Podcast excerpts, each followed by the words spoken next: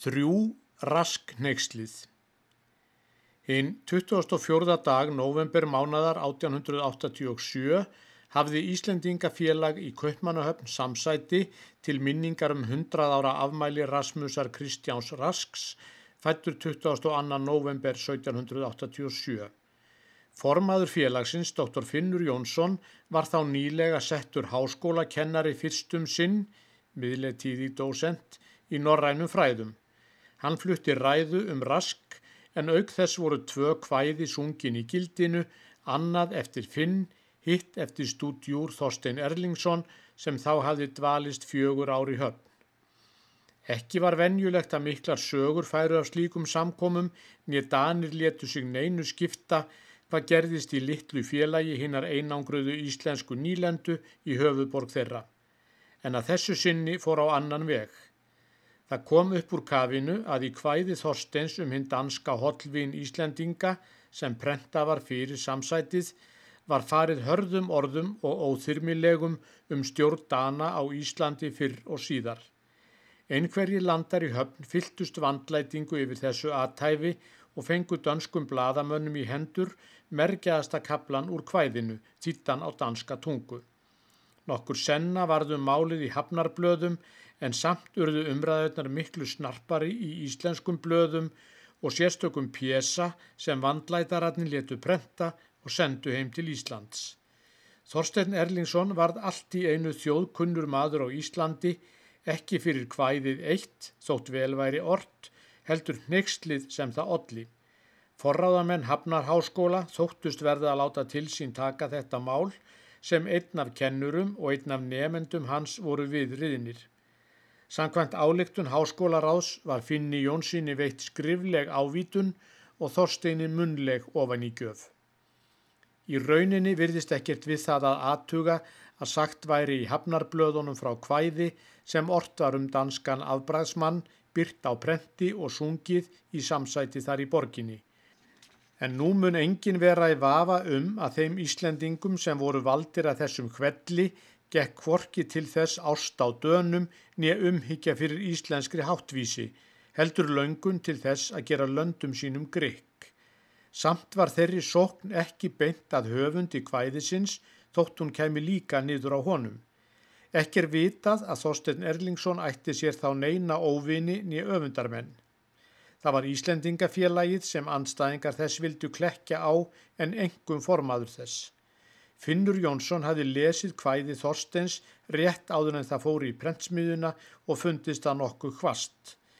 Fyrir tilmæli hans vek Þorstein tveimur ljóðlínum við, setti svo tóst þeim að meiða hana í stað þeir reyndu að myrða hana og mjög vel að hnupla og dilja fyrir munina stolnu að dilja. Þær breytingar voru ekki til bóta frá sjónarmiði skáldlegs stíls og annarkvort hefur Finnur ekki farið fram á fleiri eða þorsteit neyta þeim. Finnur gatt búist við að framtíðastaða svo sem hann helst kausir væri í veði en það var hvorugur þeirra þorsteins í vafa um að til þess væri leikurinn gerður. Finnur nettist til að afsaka sig í einu hafnarbladana og sagði af sér formensku í félaginu en aldrei fann Þorstein honum þetta til foráttu og vinátt að þeirra helst jafnan óslitin. Hins vegar fannst Þorsteini óvildar menn finns af að farið aðeins og flugumenn og var tortrygnari á mannfólkið eftir en áður. Ofan í göf háskólaráðs tók hans þunglega. Í plöggum hans eru til um þá aðtöfn drög að hvæði sem hann laug þó ekki við. Það byrjar svo. Þið helduð meðan hriðjan stóð það hugminn sárast skæri, hver auðmur ég og Íslands stjóð hjá ykkar hátign væri. Og síðar segir þar um leiðtoga dana.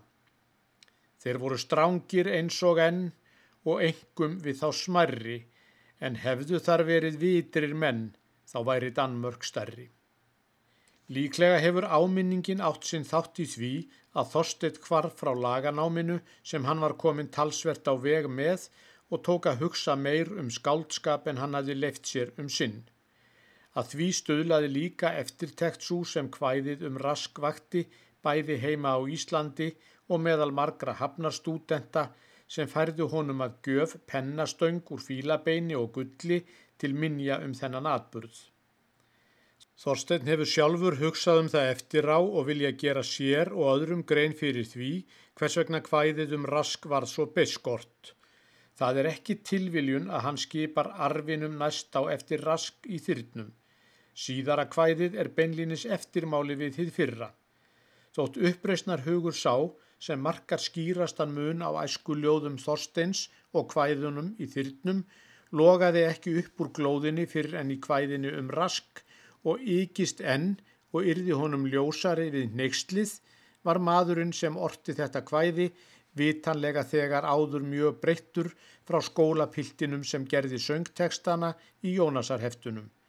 Þetta kemur ekki einungis fram í efni hvæðisins heldur orðalagi sem er orði miklu þróttmeira og meitlaðra. Þorstein var engin unglingur 1887. Stúdentinn sem hlaut hinn að munlegu ofan í göf var jafnaldri háskólakennarans sem fekk hinn að skriflegu ávítun. Hefur Þorsteiga að bera fulla ábyrð orða sinna og vera komin undan húsaga. Sú breyting sem hafði verið að búa um sig í Þorsteini fyrstu hafnarárin og helt áfram síðan meðan hann dvaldist ytra var markáttuð. Verður ekki hjá því komist að drepa hér á hvernig umhors var í Danmörku á þessum tíma. Danir voru vonsvikinn þjóð eftir ósigurinn í styrjöldunni við Prússa og Östuríkismenn 1864.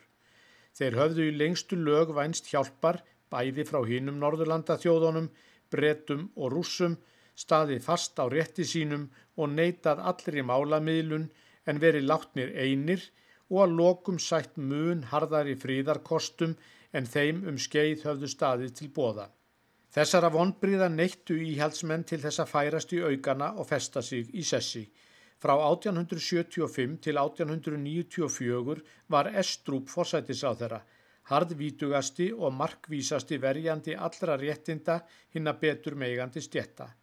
Honum tóst framan af að stjórna nokkun veginn vandraðalust, en smám saman harnaði mótspyrnan við valdi hans. Átökin voru greinilegust millir landstings, ráðuneytis og konungsvalds annars vegar og þjóðþingsins hins vegar. Í kostningunum 1884 hlutu stjórnarandstæðingar 83 sæti af 102 í þjóttinginu. Í höfðustafnum sem áður hafði verið örugt víi hægri manna urðu fjóri þjóttingsmenn af nýju úr flokkum rótækra vinstri manna og sósjaldemokrata. Þjóttingið gat nú beitt stjórnina því bragði að neyta að samþykja lög sem henni þótti nöðsin að sett væru og enganlega fjárlögin en Estrúp let hann krók koma á móti að afgreða fjárlög og fleiri lög með samþykki meiri hluta síns í landstinginu og staðfestingu konungs. Þetta voru hinn illræmdu bráðabyrðalög, provisjórier, frá árunum 1885 til 1894. Vitanlega voru þau brot á grundvallar lögum þjóðarinnar tótt Estrúp fengi duglega lögfræðinga til þess að verja þau. Nærri má geta að stjórn Estrúps var ekki vinsal meðal Íslendinga þó að ekki kæmi til samskonar átaka milli hennar og alþingis sem gerðist í Danmörku. Það var kviðvænlegt fyrir þjóð sem átti að sækja aukin réttindi sín í hendur Dana að þeir skildu lúta stjórn sem þokaðist meir og meir í ofbeldis átt. Meðan svo var háttað hlaut öll sjálfstæðis bara átta Íslendinga að vera gagslöst þóf við ofureflið og mátti heita vel sloppið að stjórnaskráin skildi ekki vera beinlínis brotin. Það er sennilegt að Estrúp og ráðgjafar hans mundu aldrei hafa fallist á að konungur veitti Íslendingum réttarbótina frá 1874 ef þeir hefðu þá verið komnir til valda og því síður eftir að ofstjórn þeirra var komin í algleiming. En bráðabyrðalög Estrúps voru í rauninni dauðategjur gamals valds er helt því fastara heljartaki um réttindi sín sem meiri hætta vofði yfir þeim. Á öllum sviðum og með ímistlegum hætti eldist frelsishugurinn undir fargi stjórnarfarsins. Aug ungra mentamanna og bænda sem fyltu flokk vinstrimanna gegn aðli, efnamönnum og ennbættismönnum komu nú verkamenn fram á hitt pólitiska sjónasvið. Vinnblad varð 1881, rítstjóri dagblads þeirra, Sósjaldemokraten, og 1884 var flokkur sósjaldemokrata orðin þess megnugur að ná tveimur sætum í þjóðþinginu. Nýstjett var að sækja fram til frelsis og áhrifa þótt hennar gætti ekki enn meir en þetta á þingi. Hægri menn reyndu að styðjast við og magna öll íhaldsöfl, ekki einungis í stjórnmálum, félagsmálum og fjármálum, heldur kirkjumálum, trúmálum og bókmyndum. Höstið 1871 hafði Georg Brandes hafið að flytja erindi sín um megin stefnur í bókmyndum Norðurálfunar sem sjálfbóðakennari privat dósent, Hafnarháskóla.